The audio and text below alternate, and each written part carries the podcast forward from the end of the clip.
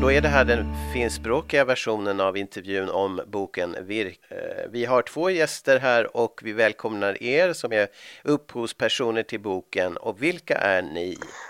Ah, siis minä olen Marketta Luutonen, mä olen käsityökulttuurin tutkija, mutta olen työskennellyt pitkään käsi- ja taideteollisuusliiton toiminnanjohtajana ja, ja siinä sivussa sitten tehnyt tutkimusta ja ja julkaissut kirjoja ja artikkeleita ja myös työskennellyt yliopistossa välillä. Ja, ja tuota, nämä perinteiset lankatekniikat ovat mielestäni olleet aina hyvin kiinnostavia ja erityisesti nuo Korsneisin villapaidat, jotka on, vaikuttivat esimerkiksi tuohon meidän edelliseen kirjaan lankapaitoja kirjoja aika paljon ja tässäkin kirjassa tuo mainitaan ja niissä on tämä kirjovirkkaustekniikka – oleellinen osa, joka on sitten taas tässä kirjassa hyvin tärkeässä roolissa. Minun nimeni on Anna-Maija Beckman ja olen koulutukseltani kotiteollisuusopettaja ja sen jälkeen, valmistumisen jälkeen menin melkein heti töihin Österbottens Hantverk-yhdistykseen ja Loftettiin, jossa olin toiminnanjohtajana 35 vuotta. Ja työn jälkeen sitten eläkkeellä, niin olemme Marketan kanssa tehneet kirjoja. Ja aikaisempi oli se neulepaitoja ja muita asusteita ja sitten nyt tuli tämä virkkaajan vapaus.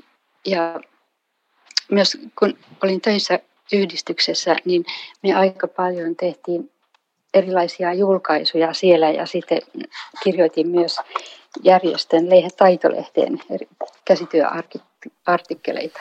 Just det, och jag vet inte om du berättade redan Anna-Maja, men du skulle berätta lite grann om vad boken innehåller eh, som eh, nu har kommit ut och dessutom vad den heter på finska. Kirjan nimi on eh, Virkkaajan vapaus ja tässä kirjan alussa kerrotaan virkauksen historiasta, jonka osuuden Marketta on kirjoittanut. Ja sitten seuraavaksi tulee erilaisista virkkaajista artikkeleita, joita Marketta on haastatellut. Ja ne on hyvin erityyppisiä henkilöitä, että osa on taiteilijoita, jotka käyttävät virkkausta ilmaisun välineenä ja sitten on toisia, jotka virkkaavat ihan työkseen – ja sitten on sellaisia, joilla virkkaus on har- harrastus.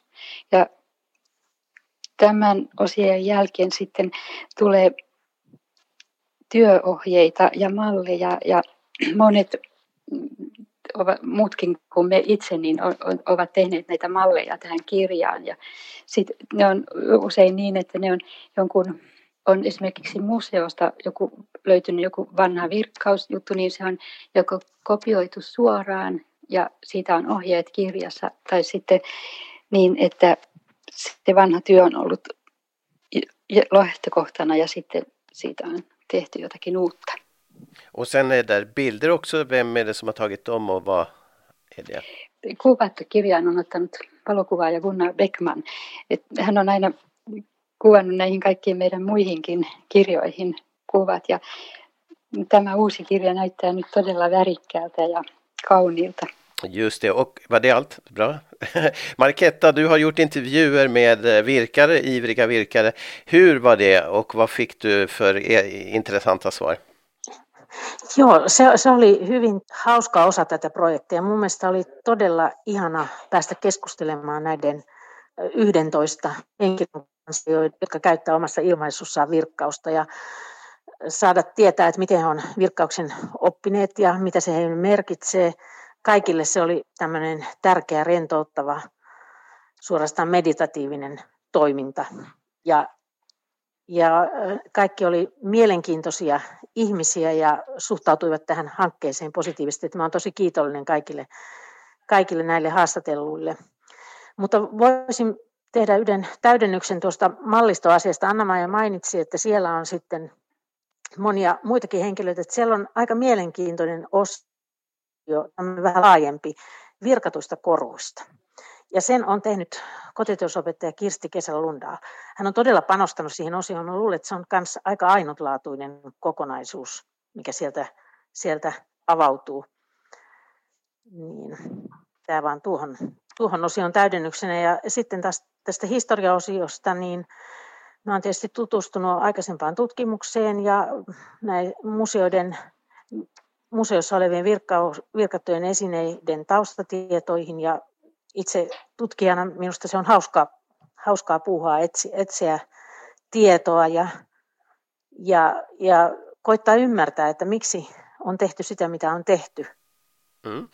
Och eh, eh hur är det med virkning och er, er, ni själva då? Marketta först, eh, är du en virkare och vad, hur, hur, hur känner du inför virkning själv för din egen del? Joo, mä, minusta virkaus on tosi hauskaa, että olen virkannut paljon näitä jo lapsesta alkaen tällaisia ö, peittoja ja, ja sitten kun Korsensin paidoissa on, on nämä virkatut osiot, niitä on ollut tosi kiva tehdä ja mä olen pitkän ajan kuluessa valmistanut toistakymmentä korsensin paitaa. Ja sitten mä oon tehnyt paljon pieniä, pieniä laukkuja ja, ja rannekkeita, lapasia ja sen tyyppisiä asioita. Mun mielestä se on mukavaa puuhaa. Och Anna-Maja, för din del, är du en virkare eller, eller, eller stickare i första hand? Eller? Vähän sekä että, että silloin kun me tehtiin sitä neulekirjaa, niin silloin oli neulepuikot esillä koko ajan. Ja sitten kun vaihtui virkkauskirjaan, niin sitten virkkausta. Että kun on ollut töissä kotiteollisuusyhdistyksessä, niin siellä tottui siihen, että piti olla monesta asiasta kiinnostunut. Ja se jatkuu vähän nyt edelleen, että hyppään vähän asiasta toiseen. Ja mä voin täydentää, että Anna-Maijahan on hirveän monipuolinen käsityön osaaja, ettei ne nyt näihin kahteen lankatekniikkaan rajoitu, vaan kyllähän osaa kutoa kangaspylle ja paljon muuta. Ja, och eh, hur är det slutligen med, med virkningen? Behöver virkningen en... är det behov av att stärka virkningen på det vis som er bok gör nu? Eller vad säger ni? Är det, är det ett, ett, en mission också det här i, i att göra en virkningsbok? Kyllä ihmiset virkaavat hyvin paljon ja ja on to, todella taitavia virkaajia, että ehkä, mutta tämä voi ehkä syventää monen ajatuksia ja sillä lailla, että se on aika monipuolinen virkkauksesta, että monet vir, taitavatkin virkaajat niin tekee aika paljon, että he on keskittynyt johonkin tiettyyn tekniikkaan, että mikä tässä ei ole. Joo, voi sanoa, että virkkaus on, niin tarjoaa enemmän mahdollisuuksia kuin ihmiset ehkä on tulleet ajatelleeksi. Ja, ja, ja sitten varmaan ne elää vielä ne, nekin asenteet, että sillä tehdään tämmöistä vähän liian koristeellista ja kitsiä, että virkkaamalla voi tehdä hyvin monenlaista. Ja se taipuu monen, että se on ollut tietysti yksi tarkoitus avata näitä mahdollisuuksia. Ja yksi tarkoitus tässä kirjassa on ollut se, että me ollaan päästy kiinnostavien aineistojen äärelle noissa museoissa. Ja ei ihmisten ole helppo päästä museoiden varastoihin ja saada itse nähdä näitä jännittäviä satavuotiaita tai vanhempiakin esineitä. Ja kun meillä on ollut se mahdollisuus ja meillä on ollut tiimissä hyvä valokuvaaja, niin me ollaan voitu, voidaan nyt jakaa tätä tietoa. Suomeksi kirjan nimi on Virkkaajan vapaus. Ja se ilmestyy ensi viikolla ja Skriptumin julkaisemana. Ja toivon mukaan marraskuun lopulla ilmestyy Pirkka Fritt. Joo, Ruotsissa Apel Joo, tässä suomenkielisessä tämä peruste sille vapaussanalle tässä nimessä. Joo, eli, eli valitsimme tämän kirjan Virka ja vapaus. En, ensimmäinen versio oli vapaus virka, mutta sitten viisas totesi, että se menee, menee hyllyssä väärään paikkaan, jos alkaa vapaussanalla, että se pitää alkaa, al, alkaa virkkaussanalla. Ja nyt sehän se alkaa molemmissa kielissä virkkaussanalla. Ja, ja se tutkijana minua kiinnostanut kysymys on ollut se, että miksi sitä virkkausta on väheksytty ja ja suhtauduttu siihen vähän niin kuin huvittuneesti ja ei ole pidetty ehkä kunnon käsityönä, niin lähdin sitä purkamaan. Miksi? Ja, ja siinähän on useita syitä. Muun muassa se, että se on ollut vähän tämmöinen uudempi tekniikka ja vanhempia on pidetty arvokkaampina. Virkkaus on taipunut tällaiseksi tekniikaksi, jolla on voinut jäljitellä monia muita tekniikoita. Ja, ja silloin esimerkiksi pitsin nypläjät ovat korostaneet, että he tekevät aitoista. Virkattua pitsiä on pidetty jonain sitten vähempiarvoisena.